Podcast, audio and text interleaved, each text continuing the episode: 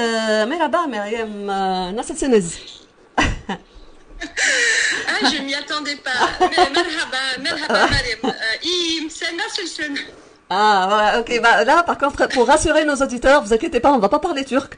Bon, en tout cas, pas pour cette fois-ci. ça sera en français pour cette fois-ci. voilà, donc, euh, bonjour, Myriam. Donc, euh, euh, alors, je vais présenter vite fait notre invité du jour qui vient, qui, qui est en direct avec nous depuis la Turquie, donc, depuis la très belle ville et charmante ville Istanbul. Vous êtes à Istanbul, normalement. alors, Madame Myriam, Ben Benmami, euh, épouse euh, euh, Draman, conseillère en orientation scolaire. Et donc, je vais la présenter vite fait, mais d'abord, bonjour et bienvenue à vous, Myriam.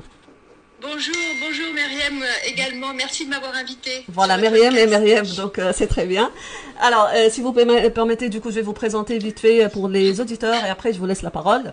Donc, vous êtes franco-tuniso-turc, installé, c'est un très bon mélange ça, hein, on va en parler tout à l'heure, euh, installé depuis un bon moment, hein, je pense depuis 2003 en Turquie, et, et vous conseillez et accompagnez les jeunes de 14 à 25 ans euh, dans la mise en place euh, de leur projet d'orientation et euh, donc dans le, le fameux bilan d'orientation qu'on va évoquer tout à l'heure.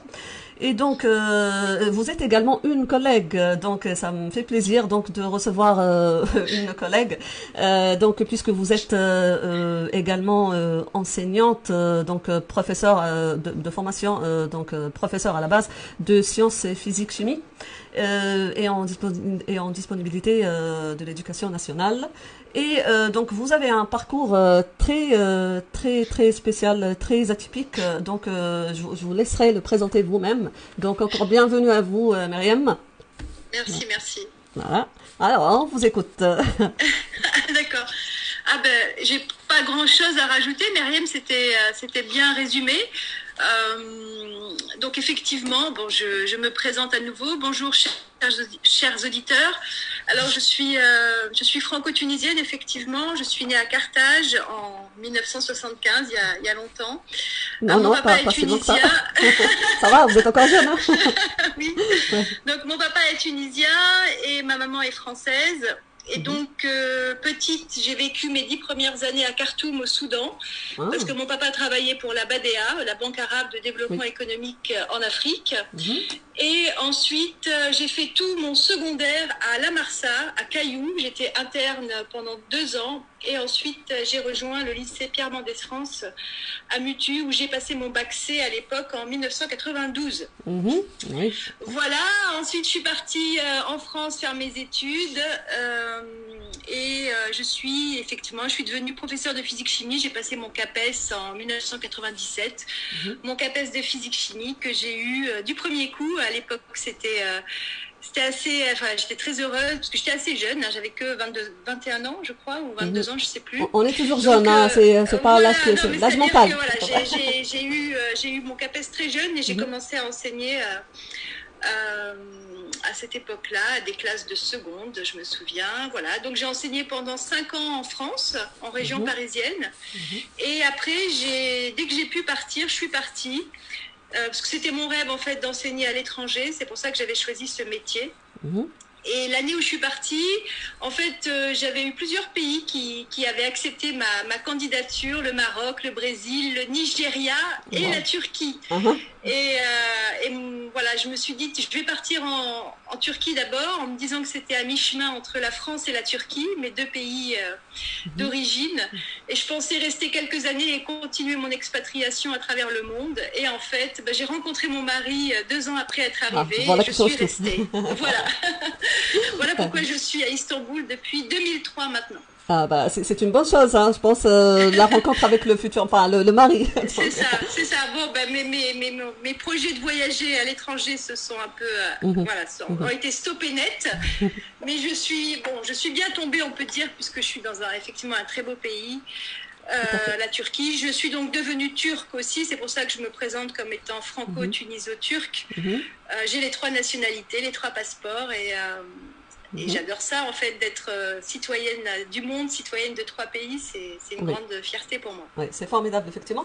Euh, du coup, j'allais vous poser la question, justement, pourquoi vous êtes partie en Turquie, mais euh, là, puisque vous venez de, de, de dire, j'aimerais bien savoir pourquoi vous avez choisi de devenir conseillère en orientation.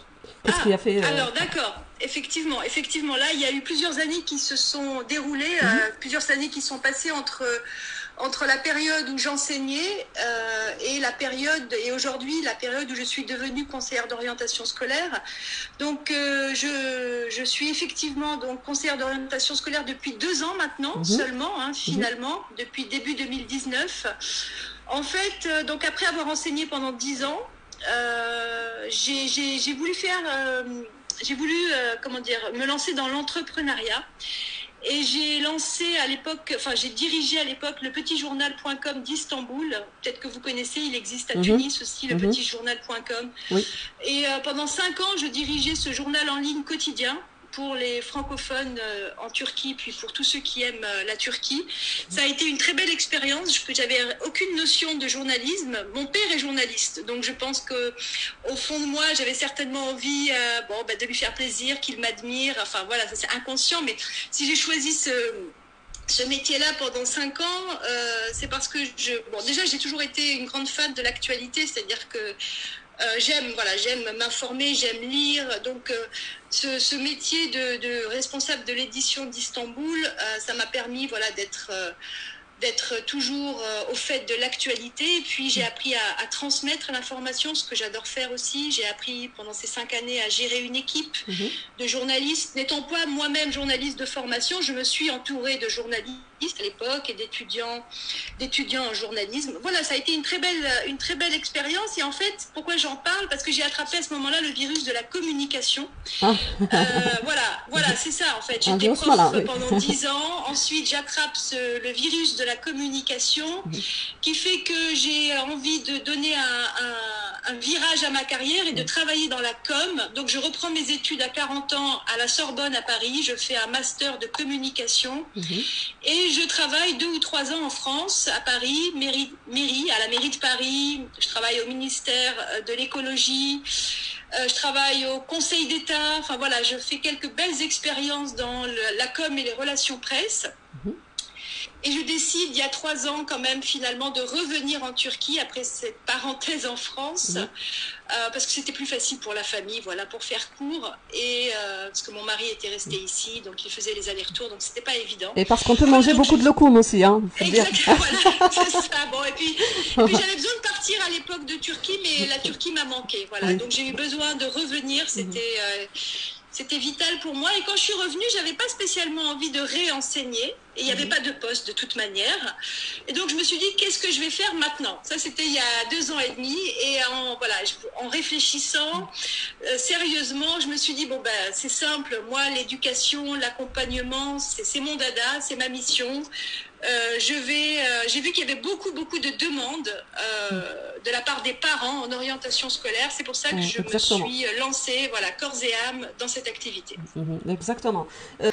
vous étiez en train de dire que vous avez remarqué qu'il y a beaucoup de demandes et donc surtout de la part des parents et donc c'est pour ça vous avez dit que vous avez senti le besoin de de, de, de, de, faire ce choix de donc de devenir conseiller euh, euh, en orientation, exactement, euh, qui je pense, qui est devenue une vocation aussi. Hein, donc, parce que j'ai senti qu'il y avait un besoin. Voilà, et c'est à partir d'un besoin que, effectivement, donc justement, nous sommes là à cette période-là, donc c'est la, la, période décisive en ce qui concerne l'orientation scolaire, et souvent, souvent c'est un vrai casse-tête pour, les élèves, mais pas que, pour les parents aussi.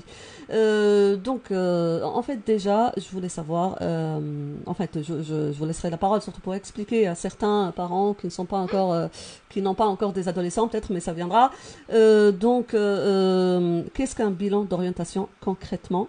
Et en quoi ça en quoi ça consiste? Et surtout c'est quoi le fameux bilan d'orientation?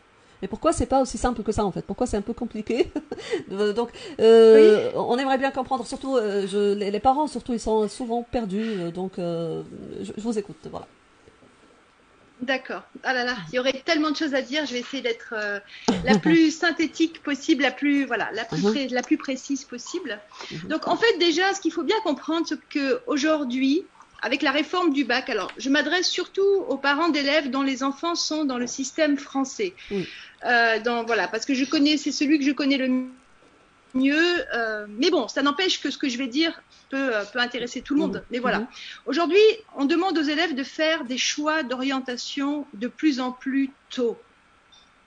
C'est-à-dire qu'avec la réforme du bac, euh, voilà, les élèves en seconde, c'est-à-dire bac moins 3, si on peut dire, les élèves en seconde, donc trois ans avant le bac, doivent faire des choix d'enseignement de spécialité qui vont ensuite, euh, bah, qui vont ensuite euh, que colorer, euh, donner une, une, une, empreinte importante à toute la suite de leurs études. Donc, et ce choix doit se faire à partir de la seconde, depuis la réforme du bac, d'accord, qui a, qui a été mise en place en 2018. Mm-hmm. Donc, évidemment, à 15 ans, euh, souvent, on ne sait pas trop quoi faire plus tard, et c'est normal. Euh, mm-hmm voilà, à 15 ans, on, a d'autres euh, priorités. C'est ça, on se projette pas. Bon, alors, évidemment, il y a toujours une petite proportion d'élèves qui sait ce qu'elle veut faire plus tard depuis qu'elle est toute petite. Hein. Il y a des élèves qui, voilà, qui, veulent faire médecine, qui ont la vocation de devenir médecin et, rien n'y changera. Mhm. Tant mieux pour eux. Je parle de, médecine parce que mhm. souvent, c'est des élèves qui ont la vocation. Voilà. Mhm. Il y en a d'autres qui, qui savent qu'ils veulent faire du droit plus tard. Et là aussi, c'est une vocation. C'est souvent d'ailleurs des, des, comment dire, des traditions dans la famille. Hein. Il y a des parents qui sont docteurs, des parents qui sont avocats, et, les enfants suivent le chemin. Mhm. Mais ça reste quand même une très, voilà, ça reste une minorité d'élèves hein, qui, savent ce qu'ils vont faire plus tard. La, la, plupart, des, la plupart des élèves, en, général, ne sait pas euh, vers quelles études se diriger, euh, a peur de se tromper, euh, n'est pas sûre d'elle, elle est dans le flou, voilà. Donc, euh, surtout si vous permettez, je voulais dire, voilà, euh, surtout qu'ils entendent plusieurs avis différents et voire des fois contradictoires. ça aussi, ça perturbe énormément. des fois, même les parents conseillent, donnent des conseils complètement différents. ça perturbe un petit peu, je sais pas, mais je pense que c'est pas évident dans la tête de l'enfant, de l'élève, d'avoir des avis sans compter sur les avis des professeurs aussi, de l'équipe pédagogique. Je pense que tout ça, c'est c'est pas évident du tout. Hein à cet âge-là, en tout cas. Oui, c'est ça. Donc, euh, évidemment qu'ils peuvent aller chercher de l'information, euh, les élèves, ils peuvent aller chercher de l'information auprès de leurs professeurs, ils peuvent aller chercher de l'information auprès euh, de la psychologue, de la, voilà, de la conseillère d'orientation au lycée ou du conseiller d'orientation au lycée. Mm-hmm. Mais si, voilà, l'élève, s'il souhaite être accompagné de manière beaucoup plus personnalisée, beaucoup plus euh, poussé, hein, eh bien, il peut faire appel à ce qu'on appelle un conseiller d'orientation privé. Et, c'est là que j'interviens, en fait. Moi, euh, j'ai mon, mon, métier, c'est ça. Mon métier, c'est d'accompagner les jeunes qui ont besoin d'être suivis de près, euh, qui, qui, ont besoin d'être écoutés, qui ont besoin d'être guidés. Donc, je propose à ces élèves le fameux bilan d'orientation scolaire. Mmh. Qu'est-ce que c'est concrètement En fait, c'est un, c'est plusieurs séances plusieurs séances pendant lesquelles je vais apprendre à connaître l'élève. Évidemment, hein, je ne peux pas euh, proposer des pistes si je ne connais pas l'élève. Donc, je vais, pendant plusieurs séances, apprendre à connaître l'élève en lui posant de très nombreuses questions. Mhm. Ensuite, je lui fais passer aussi des questionnaires en ligne scientifiques euh, reconnus par voilà, des, des psychologues et grâce à l'entretien et aux résultats des questionnaires, je fais une analyse. Je fais une analyse du profil de l'élève et je propose ensuite à l'élève des pistes concrètes euh, d'études supérieures et des idées de groupes de métiers. Voilà, des idées de secteurs d'activité euh, dans lesquels euh, l'élève a le plus de chances de s'épanouir. En gros, c'est ça le bilan d'orientation, c'est qu'on arrive dans le flou et on repart beaucoup plus éclairé. C'est vraiment vrai. Euh, on repart avec des pistes concrètes mhm. d'études supérieures. On sait qu'elles sont adaptées à nous. On sait qu'on va être épanoui là-dedans. Donc en général, j'en propose trois. Je propose trois pistes concrètes d'études supérieures. et vraiment ça, je le fais avec l'analyse du profil, je le fais avec une certaine empathie que voilà que, j'ai développée, que j'ai aussi naturellement, beaucoup de bienveillance, beaucoup d'écoute. Hein. je me mets à la place de l'élève, je me, je, je me projette par rapport à lui, à ses envies, ses, ses, sa personnalité. Voilà, donc j'essaye d'être le plus juste possible.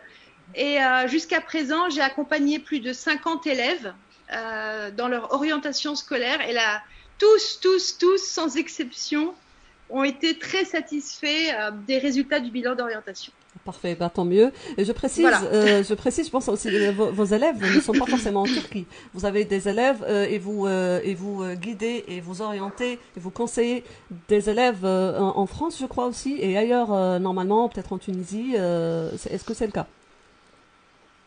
Tout à fait, Myriam, tout à fait. Alors effectivement, avant la pandémie, j'avais davantage d'élèves à Istanbul et moins d'élèves dans le monde entier. Mais depuis que, depuis la pandémie, depuis un an et quelques mois, moi, euh, voilà, le, le, gros avantage que j'ai euh, trouvé de cette terrible crise, mm-hmm. c'est de pouvoir travailler beaucoup plus en visioconférence avec des élèves du monde entier. Mm-hmm.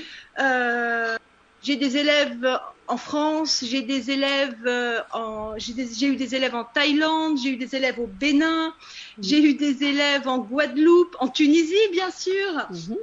Et là, cet après-midi, tenez-vous bien, je travaille avec une élève qui est au Guatemala. Donc, euh, en fait, c'est génial. Enfin, moi, j'adore parce que j'ai toujours aimé voyager. En fait, je peux plus voyager pour de bon, mais je voyage. Autrement. Je voyage grâce euh, à mes visioconférences. Exactement. Et puis ça. Et ça, c'est grâce aussi à mes articles. Voilà, comme j'ai beaucoup écrit d'articles. Pardon, je vous ai coupé, Myriam. Ah j'ai beaucoup écrit d'articles sur. Euh, sur l'orientation scolaire, Parcoursup. D'ailleurs, j'encourage les, les, les, les, auditeurs à aller regarder mon site internet et mon blog. Eh bien, mes articles sont bien référencés maintenant sur Google et euh, c'est comme ça qu'on tombe sur mon site. Mhm. Tout, à fait. On, euh, me trouve, euh, voilà, on me trouve par le monde, par le monde entier. Tout à fait. Alors justement, en parlant de, de votre site, euh, j'ai une question d'ailleurs. Je vais, je vais donner à la fin de l'interview euh, donc l'adresse du site euh, pour les chers auditeurs qui sont intéressés et donc je, je, pense que ça va intéresser certains. Et donc j'ai remarqué que vous avez publié un quiz pour les pour tester pour que les parents pardon puissent tester leurs connaissances sur l'orientation. je trouve ça c'est oui. c'est très intéressant euh, donc de penser surtout aux parents, pas que pas que l'élève, parce que des fois les parents ils sont un petit peu perdus, euh, beaucoup plus euh, beaucoup plus perdus que, les élèves, que, que leurs enfants des fois. Et donc euh, c'est très bien, je pense que c'est une très très bonne initiative. Euh, et du coup, en parlant des parents, j'avais une question justement. Euh, de quelle manière le parent intervient, à votre avis, dans le processus? Alors, est-ce que je, parlais plutôt du rôle du parent est-ce que, mm -hmm. est-ce que, en général, est-ce qu'un parent il guide ou euh, il écoute ou euh, il influence euh, le choix de, de son enfant? Je, on a plusieurs profils de, de, de, parents, bien sûr, donc je, je, je sais pas, je vous pose la question. D'accord, très très bonne question. Juste avant d'oublier, je vais répondre à cette question. Je voulais revenir sur le quiz. Mm -hmm que vous avez euh, que vous avez remarqué sur mon site internet et euh, j'en suis très heureuse. Bah, c'est juste j'en profite pour le dire aux parents. Si jamais oui, c'est bien, c'est bien. Si jamais il y a des parents qui, qui ont leurs leurs enfants en classe de troisième, mm -hmm. euh, j'ai fait ce quiz parce que j'organise ce dimanche un webinar mmh. sur le passage entre la troisième et la seconde. Voilà. Mmh. Et donc j'ai fait ce quiz pour que les parents puissent tester leurs connaissances et en fonction de leurs notes, évidemment, bon, ils sont invités dans les deux cas, hein, qu'ils aient eu une bonne note ou une mauvaise note, ils sont invités à mieux, participer, à, à, assister à mon webinar, exactement ce dimanche à 18h heure de Paris. Voilà, vous trouverez toutes les informations sur mon site internet. C'est surtout pour les élèves qui terminent le collège et qui vont passer au lycée. Et donc pour les parents qui se demandent bien, mmh. exactement, pour les parents qui se demandent bien à quoi va ressembler euh, le nouveau lycée, la nouvelle classe de seconde. Donc je vais tout expliquer ce dimanche. Voilà. C'est parfait. Euh, donc voilà. Parenthèse refermée. Mmh. Voilà, je reviens à votre question. Euh, alors, vous savez, il y a une enquête qui a été faite, Myriam, il y a un an. On a demandé aux parents euh, selon vous, quels sont les acteurs les plus influents dans euh, l'orientation scolaire de leur enfant? Mhm. Alors, je vous donne les résultats tout de suite. Premier acteur le plus influent, le lycée.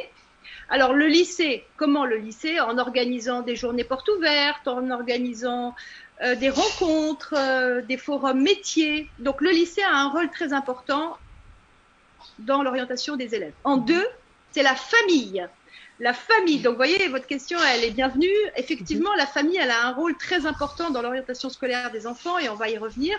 Et enfin, je voulais juste donner le trio. Le trio, donc les en troisième position, on trouve les enseignants. Ah les enseignants de l'élève ont aussi un rôle important à jouer euh, au niveau de l'orientation scolaire des, jeunes. Mhm. Alors, les parents.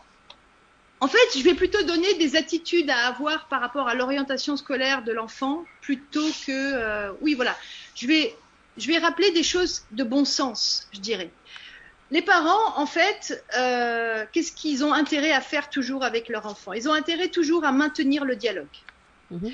Maintenir le dialogue, c'est-à-dire euh, savoir écouter, savoir écouter leur enfant, l'entendre, le laisser parler, L'exprimer, euh, le laisser Se rendre, voilà, le laisser s'exprimer. L'écouter, c'est ça. Hein, c'est pas le couper sans arrêt ou lui dire non, tu as tort. Euh, voilà, c'est l'écouter, l'entendre, le laisser s'exprimer.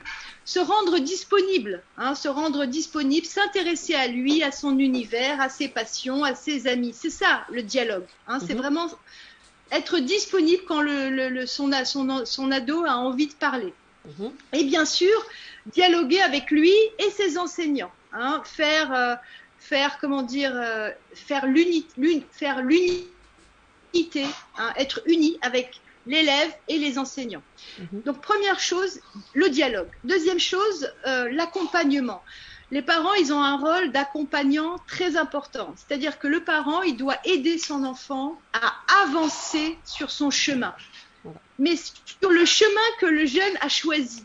Vous voyez ce que je veux dire? Il faut éviter, effectivement. Voilà, sur son choix. C'est l'accompagner. C'est pas évident. Hein, c'est pas forcément le. Bien sûr qu'il peut le conseiller, mais il faut éviter d'être trop autoritaire. Mhm. Il faut éviter. Euh, vous voyez ce que je veux dire? Oui, tout à fait. Euh, éviter de lui dire euh, non, tu feras ci ou tu feras ça, ça c'est pas bien, ça c'est bien. Voilà. J'entends bien, oui. Il faut éviter voilà, l'autoritarisme Très bien. Euh, juste parce que du coup le temps presse. Excusez-moi, non, juste parce que le temps commence à presser. Euh, ah oui. J'allais finir. J'allais juste euh, finir. Ah bah je termine. Oui. J'ai encore deux autres, deux autres attitudes à donner aux parents. Donc dialoguer, accompagner, anticiper, très important, anticiper. N'attendez pas le dernier moment, n'attendez pas la classe de terminale pour commencer à parler d'orientation scolaire. Le plus tôt sera le mieux, d'accord? Dès l'âge de 15-16 ans, on peut commencer à parler d'orientation scolaire avec son enfant. Mhm. Et enfin, dernière attitude à avoir, ayez confiance en votre enfant. voilà, en ayant confiance en lui, vous allez lui, vous allez lui, voilà, vous allez lui fournir des, signaux euh, qui vont euh, l'encourager à, réussir. Euh, c'est très important de montrer que vous avez confiance dans les choix de votre enfant. Mhm. Voilà ce que je voulais dire euh, évidemment. Mais voilà, après, si vous, avez besoin d'une tierce personne euh, pour, euh, voilà, euh, pour avoir d'autres conseils d'experts, euh, évidemment, voilà, vous pouvez faire appel à un conseiller d'orientation scolaire. C'est pour ça qu'on existe. Hein. Mhm. C'est important. C'est pour euh, voilà, apporter voilà, davantage de, clarté, de précision, des informations que les, tous les parents n'ont pas forcément hein, mm. sur l'orientation scolaire. Tout à fait. Surtout que certains parents euh, conseillent en fait euh, à partir euh, de leur expérience personnelle et à partir du oui. souvent et sorti, surtout en comparant se projettent, se hein. projettent et, et ils font des fois une projection sur le, leur enfant et en plus ils comparent surtout par rapport à la situation actuelle du marché de l'emploi. souvent c'est par rapport à ça donc le choix n'est pas toujours les conseils ne sont pas souvent objectif. donc, juste, j'avais deux, trois autres questions, mais je pense que, enfin, on n'aura pas beaucoup de temps malheureusement, comme on a été coupé, mais je pense que je vais les laisser pour une autre fois. Hein. On va vous inviter une autre fois. Mais du coup, une dernière question. Avec plaisir. voilà. Alors, plutôt deux dernières questions. Une, l'avant-dernière rapidement. il y a, il y a certains élèves qui ont l'impression, élèves ou étudiants, hein, qui ont l'impression parfois de d'être passés à côté de leur orientation, de rater leur leur orientation et ils décrochent vite. Ça arrive souvent, surtout après le euh, quand ils ont leur affectation après le, bac, en fait, il y a beaucoup euh, mhm. d'étudiants déçus et ils sont euh, coincés d'un côté, bah ils savent pas s'ils doivent se réorienter ou se tenir bon. Du coup, certains décrochent. Alors, qu'est-ce que vous dites à ces jeunes là Qu'est-ce que vous dites à à ces élèves ou ces, ces, étudiants? Faut-il, est-ce qu'il faut tenir bon et, et s'accrocher au maximum ou choisir au bon moment et bah quitte à tout à faire un deuxième choix et à il faut du courage peut-être pour ça. Alors qu'est-ce que vous euh, qu'est-ce que vous conseillez à ces jeunes? Ah, très, très bonne question encore une fois. Alors, il faut savoir que par exemple, cette année, parmi les élèves que je suis, j'en ai presque la moitié, ce sont des étudiants en réorientation. Mmh, Donc mmh. voilà, ce ne sont pas que des lycéens, euh, mmh. ce sont aussi des étudiants en réorientation. Je pense qu'avec la crise sanitaire, le, leur nombre a, augmenté. Hein. ça a été particulièrement difficile de suivre les cours en visioconférence en première année d'université. En plus, euh, vous le savez certainement, mais les, chiffres les chiffres font peur. Hein. 60% des, des, des, étudiants à la fac se réoriente à la fin de la première année. Donc c'est pas c'est pas, bah pas un petit chiffre. Soit 60% se réorientent, redoublent ou se réorientent. D'accord. ils ne sont que 30% à avoir leur licence en trois ans. Ah oui oui oui. Il mm. euh, y a il y a énormément euh, d'étudiants qui, euh, qui, se rendent compte qu'ils ont fait le mauvais choix en arrivant en licence. Donc, évidemment qu'il est tout à fait conseillé de, de, ne pas persister dans la voie qu'ils avaient choisie, s'ils se rendent compte qu'elle n'est pas faite pour eux, c'est pas grave du tout de se tromper et de se, de, se tromper, de, se rendre compte qu'on s'est trompé et de se réorienter. C'est pas grave du tout. Hein. Aujourd'hui, euh, la vie, elle est plus, la, carrière, elle, elle, va pas plus être linéaire. Hein. Vous savez, la nouvelle génération, on dit qu'elle va occuper 5 euh, à 6 métiers, 5 à 6 professions, 5 ah à 6 postes. Euh, dans, dans, sa carrière. Donc, euh, que, au contraire, en première année, c'est le bon moment pour se réorienter. Il vaut mieux mm. que ce soit là plutôt que de se rendre compte en bac plus 3 ou bac plus 4 qu'on n'est pas fait pour telle ou telle euh, filière, tel ou tel mm. secteur. Donc, ce que je conseille à ces élèves, euh, ben, tout simplement, d'être de, d'être courageux, mais il faut, il faut pas tellement du courage, il faut plutôt euh, être, euh, comment dire, déterminé peut-être? Déterminer, voilà, et, euh, et, et, réagir, voilà, réagir, passer à l'action, ne pas perdre de temps et se réorienter tout à fait. Alors pour ceux qui savent euh, dans quelle autre filière se réorienter, tant mieux. Ceux qui ont besoin aussi d'être accompagnés pour bien choisir, ne pas se tromper une deuxième fois. Euh, leur filière d'études supérieures, bien sûr, ils peuvent faire appel à moi, mais voilà, pas d'inquiétude, c'est pas grave. On a tous le droit à l'erreur. Bien sûr, même les adultes après ah, euh, oui. ils font et encore plus cette année, même, euh, exactement. Il y a de plus en plus d'adultes qui se reconvertissent aujourd'hui. Voilà, la la la la, enfin la, la la comment dire, euh, les temps ont changé. Voilà, les temps ont changé. C'est plus du tout tabou mhm. de se réorienter. Et tant mieux c'est plus du tout tabou d'admettre qu'on s'est trompé et que finalement on se rend compte qu'on n'était pas fait pour telle ou telle étude. Mhm, tout à fait. Euh, c'est même dans l'air du temps. C'est dans l'air du temps. Voilà. Mhm.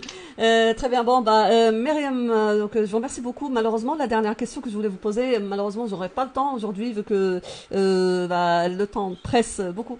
mais je vais dire un dernier mot pour donc pour les parents qui qui voudraient vous contacter et qui sont intéressés par, le, par euh, vos conseils. Je pense que vous avez de, vraiment de très très bons conseils, très pertinents. Euh, donc vous pouvez euh, consulter le site de Myriam, donc www.myriamdramant.com. C'est bien ça, Myriam C'est ça, c'est ça. Je suis très active sur les réseaux sociaux. Voilà, bah tant mieux, très bien. Donc ça, ça rassure. Euh, bah écoutez, c'était un plaisir. Malheureusement, donc pour les autres questions, je vais les laisser pour une autre fois, peut-être quand vous serez de passage à Paris, peut-être. Vous, vous nous ramenez un petit paquet de lokum avec vous. D'accord, oui, oui, je serai là fin juin. ah oui, avec ah plaisir. très bien. Je viendrai bah, vous, voir fin juin, début juillet. Ah bah c'est très bien. Donc on vous attend donc pour fin juin, début juillet dans les, locaux de, de Radio Aulène. Donc merci beaucoup, merci d'avoir été en direct avec nous depuis Istanbul. Merci Myriam. et bah profitez, profitez-en bien. je pense qu'il fait beau là-bas. Je pense vous avez du soleil normalement. Oui, oui, il fait très très beau. Ah bah voilà, profitez-en bien. Donc, je vous dis à très bientôt ici en direct à Radio Auladna. Donc, merci beaucoup et bah, bonne continuation et à très vite. Au revoir.